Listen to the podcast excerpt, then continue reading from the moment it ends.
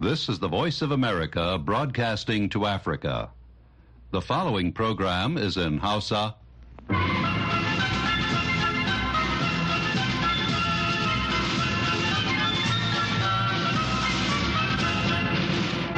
Sashen Hausa na murya Amurka ke magana daga nan birnin Washington DC. Masu sauraro Assalamu alaikum barkanmu da wannan lokaci. Yanzu ma Muhammad Hafiz Baballe ne tare da Sarfil Hashim Gumel da sauran abokan aiki ke farin cikin gabatar muku da wannan shirin na daren yau Asabar. Bayan labaran duniya za mu kawo muku shirin zauren BOA da Madina Dauda ta shirya za ta gabatar. kamar kowace rana asabar ibrahim kalima si garba zai shigo mana da shirinsa na amsoshin tambayoyinku amma kafin nan sai a gyara zama sauran labaran duniya daga bakin sarfil hashim gumel jama'a salamu alaikum da fatan an yi lafiya ga labaran duniya sojojin amurka sun jefa abinci da kayan agaji a gaza zagayen farko na tallafin agajin gaggawa wanda shugaba joe biden ya ba da izini in ji jami'an amurka Falasɗina sun yada hotunan bidiyo a shafukan sada zumunta da ke nuna akwatunan taimako da jiragen yaƙin Amurka kira C-130 suka jefa. Matakin farko na aikin jin kai ya samar da abinci dubu talatin da biyar da aka jefa cikin yankin, inda Majalisar Ɗinkin Duniya ta ce kashi ɗaya bisa huɗu na al'ummar ƙasar na mataki ɗaya kawai daga faɗa matsananciyar yunwa. fadar white house ta ce jiragen za su kasance wani ci gaba mai ɗorewa kuma isra'ila na goyon bayan wannan aiki sojojin jordan da masar sun ce sun gudanar da irin wannan aiki da jiragen yaƙi yau asabar shugaban riƙon ƙwarya na ƙasar chad muhammad idris debi ya ce yana shirin tsayawa takara a zaɓen shugaban ƙasa da aka daɗe ana jira a bana.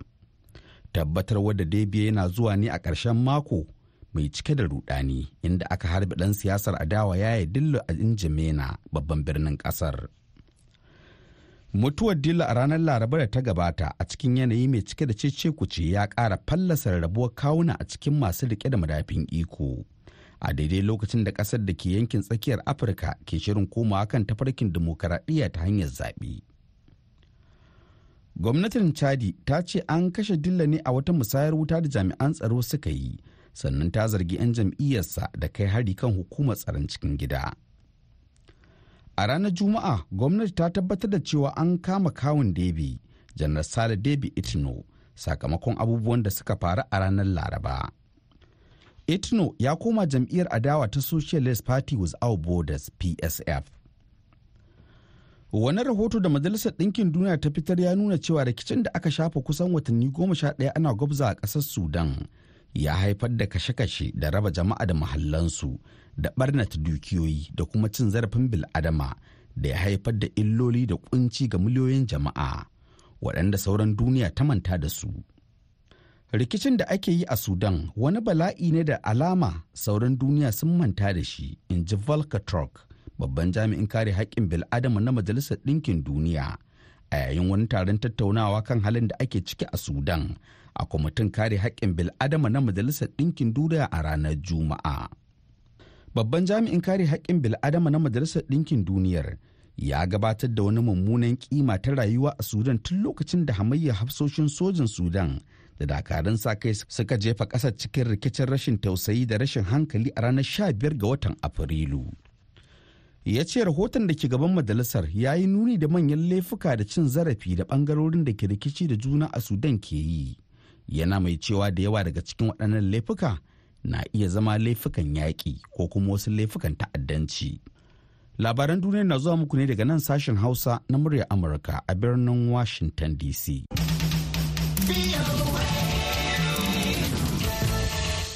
kwamitin kare 'yan jaridu cpj ya ce an sako ɗan jaridar faransa antoine galindo wanda aka tsare tsawon mako guda a addis ababa babban birnin ƙasar habasha ranar alhamis.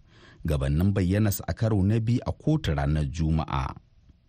Angela quintel shugabar shirin cgp a afirka ta shaida murya amurka cewa galindo mai ba da rahoto a kafa ya labarai ta africa intelligence da ke birnin paris ya tafi faransa nan da nan bayan da aka sako shi.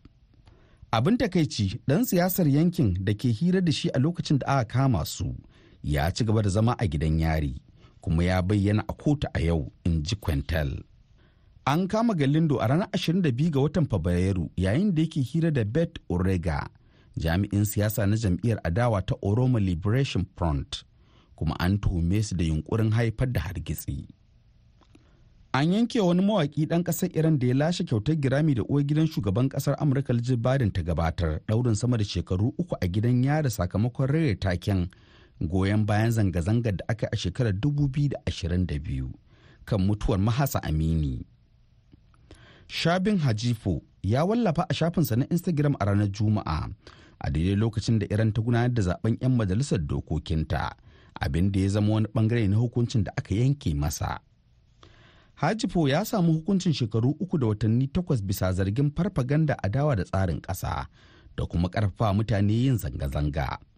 Kotu ta yanke hukuncin ne saboda ta gano bai nuna nadamar wallafa waƙar ba yadda ya kamata. Har ila yau ta sanya masa dokar hana tafiye-tafiye na shekaru biyu kuma ta umarce shi da ya kirkiri wata waƙa game da laifukan amurka da kuma yin rubutu game da waɗannan laifuka a kafofin sadarwa. Hajifo ya gode wa lauyoyinsa da wakilansa bisa goyon bayan da suka bashi.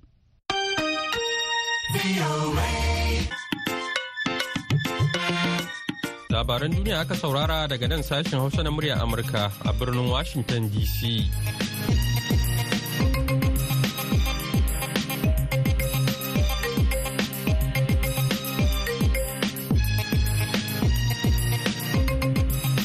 bari mu koma gefe guda Madina Dauda ta gabatar mana da shirin zauren BOA.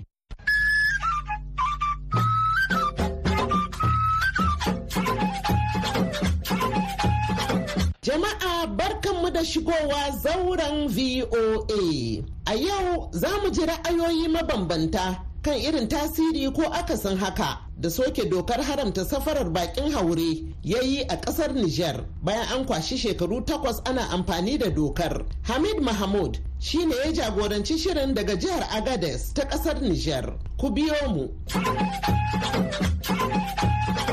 Malam Ehmud Yusuf shin ana iya cewa a yanzu an fara gani a ƙasa game da sha'anin hada-hada a ɓangarori da dama? Masha Allah muna iya cewa yadda muka ga sari kamar yadda tonton namu ya yi bayani yanzu tubarakallah inda da ake dokan mutane an rage shi. Yanzu akwai wurare waɗanda na musamman ne. Ka san da sai ka ga mutum a gidan shi ya mai da gidan shi kamar tasha ta nan yake dokan mutane ya ta yi gwamnati ba ta da labarin shi waye kuma da waye wayar doka kuma ina ya je zubdo su ina ya kai su. Me yanzu da suka sa wanga sari na mota ba ta fita sai da fede route. Bisan shi kuma akwai kashen komisariya da na meri da na su sandika to wannan abu ya tabbatar da mana cewa lalle sana'a yanzu an mata sari. Kuma mun ga mutane duka waɗanda da suke bisa sana'an nan kuma da aka zo aka yi doka tattalin arzikin su ya kare har suka shiga wani mugun hali. Yanzu tabarakallah sun fara falfadowa kaɗan kaɗan. Saboda mutane ne waɗanda sun san sahara sun san jigilan wannan bakin haure sun dawo kuma suna ayyukansu yadda ya kamata. Yanzu matsalan mu guda ne. Kun san da aka soke dokan nan shi wannan jigilar bakin haure ya rage ne da kashi tasa'in cikin dari akwai kashi goma waɗanda mutane suka kirkiro wata hayya wanda ake ce ma contraband wanda hayya ce wadda muguwa hayya ce ba su ma isarwa a gada tun ta wadan suke yankewa su nemi sara. To wannan hayya tana da hasari sosai tunda suna gamuwa da matsaloli da dama. Yanzu fatan mu shine duk waɗannan hanyoyin nan waɗanda ba bisa ka'ida ba suke a samu a like su don mutane duka su zo suna jigilar ga ta bakin haure cikin ka'ida cikin wuraren da an san da su kuma an san da su waye suke aiki a wurin. Yawa malam aminu a naku ɓangare na masu gudanar da aikin hannu shin kun fara gani a ƙasa bayan soke wannan dokar? Abin da za mu cewa dai bisa soke wannan doka da aka yi lalle an yi murna da shi. Amma gaskiya sakamakon shi a yanzu ba a fara ganin shi ba. Yanzu an soke dokat amma mutane har yanzu kamar suna ɗari-ɗari da dokat wasu har yanzu ba su dawo bisa ayyukansu ba. Tunda har yanzu kamar ba waye musu kai suka gane ma me ake ciki. Da yawa sun dai shi an ce an soke dokat amma gaskiya har yanzu dokar dai bata dawo gaba ɗaya ba yadda aka san da can da. Tunda da za ka samu da yawa matasa suna amfanuwa da wannan hanyoyin da ake na safarar baki. To yanzu gaskiya da yawa ba su dawo ba. Idan aka koma a ɓangaren da shafi aikin hannu ya dokar yanzu bayan soke ta take a ɓangaren ku? Eh gaskiya mu dai masu ayyukan hannu za mu ce mun yi maraba da soke dokar da aka yi. Saboda gaskiya ya kawo na kasu da yawa. Ya kawo cikas da yawa. Da yawa sun rasa aikansu da yawa sun rasa sana'o'insu da suke tafiyar da na yau da kullum. A bisa ga tsaidar da da aka yi. Amma yanzu gaskiya da aka buɗe muna fata dai abu ya dawo irin na da wancan da aka sani. Kowa ya samu bakin rawan shi. yawa to malam abdurrahman biyanu idan muka dawo wurinka jihar agades jiha ce da ke da girma sosai kuma akwai wanda duk da irin matakan da za a ɗauka za ka ga za su bi ta hanyar da bata dace ba ko kuma su fita ta barauniyar hayya. Ganin cewa a yanzu dokar an soke ta kwata-kwata. Shin wani sha hankali za ku yi wa waɗannan mutanen da suke aikin jigilar bakin haure amma ta barauniyar hayya ba tare da sun bi ka'ida ba? Eh bon kasan shi duk cikin al'amura aka ce za ka samu akwai gurɓatacce kuwa. Eh don yanzu irin waɗannan duka babu kamar maganin su kamar sai hukumci kuwa. Suke duk wanda ya taka doka dama me kamata a mai a hukumta shi? Eh wanga doka an jaye ta me kuma da aka jaye ta akwai wadda za ta shigowa wadda za ta ba da cewa kuma in baka yi haka ba baka yi haka ba sai ta dir baka shiga wani tsari ba dole kuma wani abun hawa sai ya kai ka Wata doka kuma za ta bugun ka haka kai gaba cire to yanzu babban abun da muke so wayannan dokokin da za su zowa na tsara wannan ta yi yakwa da za a yi sabuwa ta kowa daɗa ya samu eh, bakin nashi rabo. Kenan babban abun da ya kamata sai an ɗauki ɗan lokaci. Vraiment an san wane ne ya kamata dabor ya ta- ya yi safarar ta me ake ta transport ta tukin dabor sa'an nan wane ne ya kamata ya kawo ma passager kin paske in kuka nura yanzu daga wurin cagata ma 'yan caga a kowanne yake da ka gan shi ma kuwa daga mutanen da za a towa da su da ka gan shi da ka san don ga kawai sai da sirin cuta ne don ka sai ki dirke irin wannan escroquerie kin da wani wane ne da ake kuwa ya cancanta kotekin sandika na wa'anga su transporter da 'yan caga su ma su nemi wani tsari su sa cikin eh, eh, me ake cewa ga ƙungiyoyin nasu. Don saboda gaskiya cikin irin wuraren nan su tasha su geto sai ka samu gurbatattu gurbatattu akwai su ba su manke ko da yaushe. Kenan waɗanda suke iya gyaruwa ana iya jawo kansu ta sensibilisation. Ta wayar da kai. kai.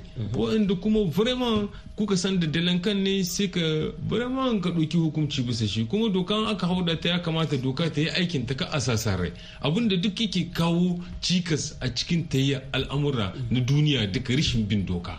Doka ta bigi wanga ba ta bigin wanga. A'a doka to ya kamata an hauda ta ya zamanto doka da oda.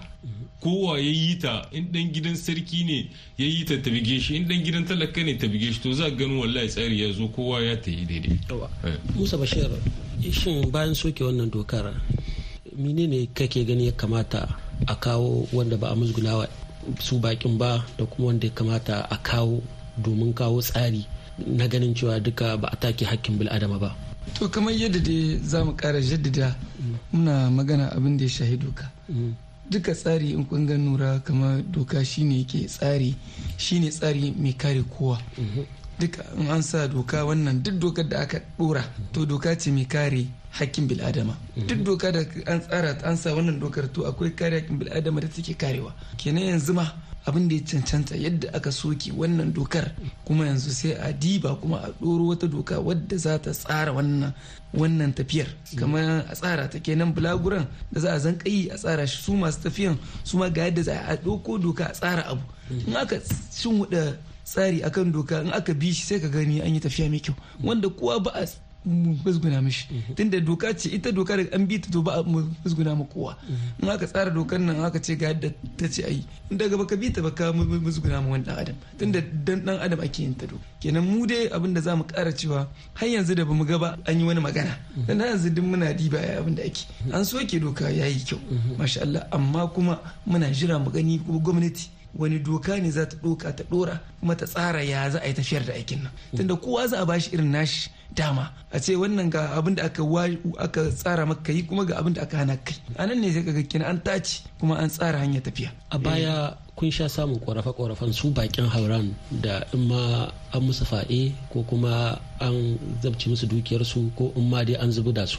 Shin a bana bayan soke wannan dokar shin wani irin tsari ne irin waɗannan matsalolin da bakin haure ke cin karo da su na faɗe ƙwace dukiya da kuma zubarwa ya kamata gwamnati ta sa ido sosai wajen ganin cewa ta kawar da waɗannan matsalolin? To ai eh wannan magana da kai abin kan abin da shahi fyaɗe da wani musguna da komi akwai dokoki da na ƙasa wanda sun hana. A matsayin mutum ya matsayin ɗan ƙasa ne ko ba ɗan ƙasa ba? Yauwa a ƙasar Nijar in ka shigo to baka da izinin yin fyaɗe ko kai sata ko ka musguna ma wani. Wannan dokoki akwai su. A shimfiɗe suke wani dama akwai su. Sai dai kamar yadda yanzu kamar an maido hankali bisa kan tsarin yanzu a ce kamar an soke wannan dokar. Kenan muna tunanin yanzu dai abubuwan za su dan rage saboda yanzu tsarin kenan an san yanzu kuma mutum idan ya abin abin zai bige shi sosai. Eh amma dama akwai su wannan dokoki a huɗu akwai su dama. Eh amma ƙorafe kuma dan adam wannan yau da gobe abubuwa ne wanda dama ma ba su canza. Ko da akwai dokar nan ko babu wannan dokar gaskiya mutane za su zo su ka irin ƙorafe rayuwa ce wannan ta yan adam. Kun ji yadda ta kaya a zauren VOA a yau. Musa Bashir ya yi nazari kan soke dokar. Sai makon gobe za mu ci gaba. A madadin daukacin ma'aikatan sashen Hausa na muryar Amurka da Solomon Abo wanda ya daidaita sautin shirin Madina Dauda ce ke sallama da ku mu huta lafiya.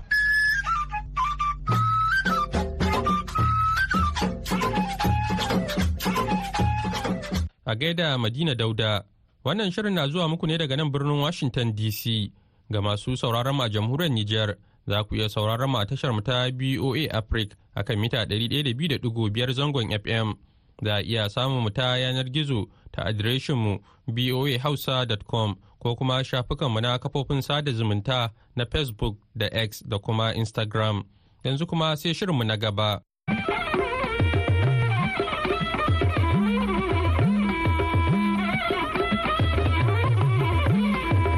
Masu sauraron mu Assalamu alaikum barkanmu da sake saduwa da ku a wannan shirye na amsoshin tambayoyinku.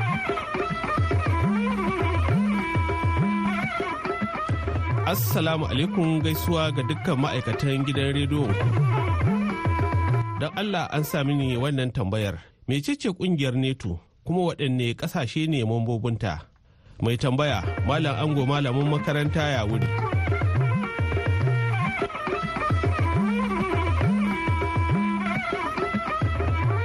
To idan mai tambaya da ma sauran masu sha'awar ji na tare da mu ga ansar da wakilinmu a Taraba da Adamawa Muhammad Salisu Lado ya samo daga Dr. Adamu Babikwai malami a kwalejin koyar da malamai ta gwamnatin tarayya da ke Yola ko FCE Yola Adamawa Najeriya wanda ya ce. To assalamu alaikum malam ango malamin makaranta ya wuri ga tambayar ka nan an karanta inda kake son sani mecece ƙungiyar NATO kuma waɗanne ƙasashe ne mambobinta. To ni da zan amsa ma wannan tambaya sunana Dr. Adamu Malam Babiko ka biyo mu ka ji amsar tambayar ka. Yawa to madalla dakta. To dakta ita wannan ƙungiya na NATO menene ma makasudin da ya sanya aka kirkiri wannan ƙungiya ta NATO din karan kanta. Da farko dai ina so ka sani cewa ita wannan ƙungiyar NATO a ƙungiya ce wacce aka kirkire ta don tsaro wacce kuma take da haɗakar sojojin ƙasashen yankin arewacin Atlantika. To madalla, to dakta kamar ƙasashe nawa ne suka haɗu suka tashi wannan ƙungiya na NATO misali ƙasashen sun kai nawa akalla wanda aka fara gudanar da wannan ƙungiya ta NATO da su. Da farko dai ƙasashe goma ne suka haɗu suka kirkiri wannan ƙungiya a alif ɗaya da ɗari tara da arba'in da shida a shekaru saba'in da biyar kenan da suka wuce daga baya Uh, Amurka da Kanada sun shiga wato ita wannan ƙungiya ta NATO. Da kyau, to data kowace ƙungiya idan aka tashi kirkirarta ana kirkirarta ne da wata manufa. walau manufar da take kwanci ci gaba a'a don daƙile wasu matsaloli ko kuma a'a don kare kai daga wasu fitintunu to ita ƙungiyar nato menene dalilin da ya sanya ma aka asasa ta aka ƙirƙire ta har ta kai ga matakin da ta kai yanzu? Wato manufar da sa aka kafa ita wannan ƙungiya bata wuce ta ƙalubalantar duk wani yunkurin da yunkurin mamaya wacce za a iya samu daga ƙasar rasha wato soviet union wancan lokacin. Don haka sai zamana an kafa wannan ƙungiya ne saboda daƙile a yiwuwar mamaya da ita wannan ƙasa za ta yi da kuma ba da kariya ga mambobinta da kuma kuma kai farmakin ko ta kwana na soji. In aka takali kowace mamba daga cikin uh, mambobin nan nata. To ƙasashen su ne guda goma sha biyu uh, waɗanda suka girgiri wannan uh, ita ƙungiyar NATO wacce za mu iya cewa aka ƙaddamar da ita a ranar huɗu ga Afrilun 1946. Haka ne. To, dakta a taƙaice waɗannan ƙasashe kamar wace ƙasa da wace ƙasa ce suke cikin waɗannan ƙasashe da suka kai goma sha biyu misali. Waɗannan ƙasashe sun hada da Faransa da Italiya da Birtaniya da Norway da Belgium da Denmark da Netherlands da Portugal da Iceland da Luxembourg da Amurka da Canada. To yanzu dokta bayan irin waɗannan gwargwarmaya da aka sha misali ƙungiyar nato ta kafu shin su waɗannan ƙasashe da suka haɗu suka tashi ƙungiyar nato sun yi fafutukar ganin sun sake ainihin wato za mu ɗauka ɗabbaka ta ko ko ƙara faɗaɗa ta misali? To bayan kafa ita wannan ƙungiya kuma an yi ta samun faɗaɗa ita wannan ƙungiya ta nato kusan har sau tara. Daga nan aka samu wajen ƙasashe har wajen goma sha tara suka shige cikin ita nato. To yanzu data kamar a wace shekara aka yi ta ƙoƙarin faɗaɗa wannan ƙungiya? Wato an faɗaɗa ita wannan ƙungiya a alif ɗaya da ɗari tara da hamsin da biyu, an sake kuma faɗaɗa ta a alif ɗaya da ɗari tara da hamsin da biyar, an sake kuma samun ƙarin mamba a alif ɗaya da ɗari tara da tamanin da biyu, da alif ɗaya da ɗari tara da casa'in da tara, da shekara ta dubu biyu da huɗu, an sake kuma samun ƙari a shekara ta dubu biyu da tara, aka samu kuma ƙarin mamba a shekara ta 2017 da kuma shekara ta 2020 wanda a bara shekara ta 2023 aka haifar da 'yar autar wannan ƙungiya wato ita ce Finland. To wani abun da ya kamata kuma ka sani shine ita wannan ƙungiya a yau tana da mambobi har wajen talatin da ɗaya. To ba abu mamaki ba ne ka so sanin shin ita wannan ƙungiya kam kowa da kowa da ke ciki wannan ƙungiya Yana ba da taimakonsa daidai wa daida ne. To abin da dai bincike na ya tabbatar mini ya gano mini shine a samun kuɗaɗen gudanar da aikace-aikacen ita wannan ƙungiya a amurka ce kusan ake iya cewa take ba da kashi saba'in na kuɗaɗen da ake kashewa wannan ƙungiya wannan wataƙila ya sa kila ka samu labari a can wasu lokuta ana dan cece kuce a tsakanin mambobin waɗannan ƙungiyar saboda ganin da ake yi kamar ita amurka tana katsa landan tana abin da ta ga dama tana nuna fankama da ɗaukar matsaya a wasu lokuta ma ba tare da ta shawarci sauran mambobin wannan ƙungiya ba.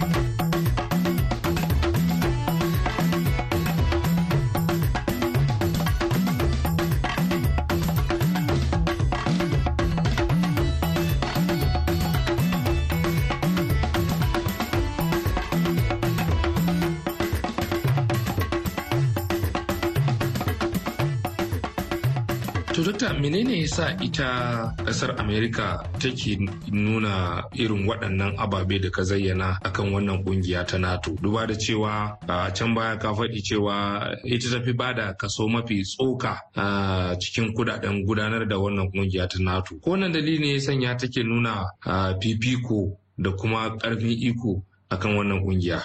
Uh, wataƙila saboda makudan kuɗaɗen da take bayarwa in ita za ta ba da kusan kashi saba'in na kuɗaɗen da ake gudanar da aikace-aikacen wannan ƙungiya ai kuwa kaga shi wanda uh, za a ce ya biya wanzami shi ke da ikon cewa ga inda za a ajiye sanko. To a shekara ta 2014 mambobin nato sun amince a kan cewa yana da kyau fa a ƙara samar da kuɗaɗen nan da kashi biyu. Uh, wannan shi za a yi ta aiwatarwa har zuwa shekarar da muke ciki wato shekara ta dubu biyu da ashirin da huɗu wato an ɗauki matsayin shekara goma kenan da aka rubanya kuɗaɗen da ake bayarwa saboda aiwatar da aikace-aikacen wannan ƙungiya. To, dakta a kwanakin baya an yi tabbatu dangane da wannan rikici da aka daɗe ana ta taburza tsakanin Ukraine da kuma Rasha, inda har ma wasu ke ta igirarin cewa ya kamata ƙungiyar nato ita ma ta ce ta shigo cikin waɗannan ainihin wato bayanai da ake ta yi dangane da rikicin rasha da ukraine. Domin akwai malukan da aka ce ita ƙungiyar nato har ma ta tura wa ƙasar ukraine goron gayyata na shigowa cikinta. Me za ka ce dangane da wannan batu shi kuma? To gaskiya dai ita wannan ƙungiya ta nato wataƙila wasu mu sun ji irin gwagwarmayan da ke faruwa tsakanin ita ƙasar Ukraine da Rasha saboda kuma a ita Ukraine tana makwabciya ce ga ƙasar Rasha. Sannan kuma ƙasar Rasha ta lura da cewa kamar ita ƙungiyar NATO ta ba ma ita ƙasar Ukraine goron gayyata na shiga ita ƙungiyar to kaga nan kenan an zo dab da makwabciyarta wadda kuma dama tana sani da cewa asalin kafa asalin manufar kafa wannan ƙungiya ta NATO bai wuce kawai a wataƙila yi mata tarnaki ba ne to wanda kuma ya kawo cece kuce har da yaƙe-yaƙe wanda har yau ba gama shi ba. To Allah ya so. To dakta ita wannan ƙungiya ta NATO wace irin ƙalubale ne take fama da shi a cikin kalubalen da suke addaban kungiyoyi musamman irin waɗannan manya-manyan kungiyoyi da take da membobin ƙasashe aƙalla talatin da biyu. Wace irin ƙalubale take fama da shi misali? To ƙungiyar tana fama gaskiya da ƙalubale da dama amma tun da ba shi muke magana a kai ba yau. A tunanina dai abin da na samo maka ya amsa maka daidai tambayar da kake buƙata akan sanin ƙungiyar nato da kuma ƙasashen da ta kunsa. Gajerin ƙasashen mambobin nato din. A yau suka kasance mambobi a ita wannan ƙungiya ta nato. Su ne guda talatin da ɗaya waɗanda sun hada da albania da belgium da bulgaria da canada da croatia da Czechia da Denmark da Estonia da ƙasar Finland da Faransa da ƙasar Jamus da ƙasar Girka da Hungary da Iceland da Italiya da Latvia da Lithuania da Luxembourg da Montenegro da Netherlands da North uh, ita Macedonia ta Arewa.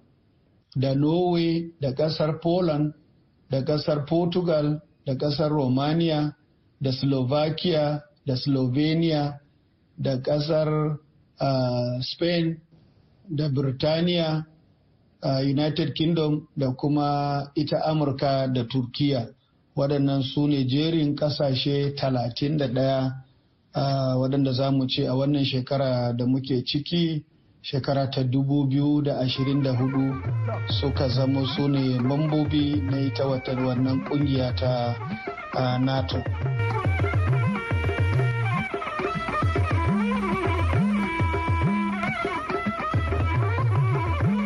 To sai a kasance da mu makon gobe don jin ansoshin wasu tambayoyin. Yanzu a madadin wanda ya ansa mana tambayoyin dr adamu babikwai na fce yola da wakilinmu a shiyar adamawa da taraba muhammad salisu lado da mu julie leathers gresham da kuma injiniyan mu ni ibrahim kalmasi garba ke cewa sai makon goben idan allah kai mu. Wassalam. A gaida ibrahim garba masu sauraro a nan muka kawo ƙarshen shirin namu na yau. Sai kuma goben Allah ya kai mu za ku ji abokan aikinmu ɗauke da wani sabon shirin. Yanzu a madadin sarfil hashim gumel da ya karanto labarai da fiona wa mayi da ta ba da umarni da ma injiniyan mu na yanzu ni muhammad hafiz baballe ke cewa ku na lafiya.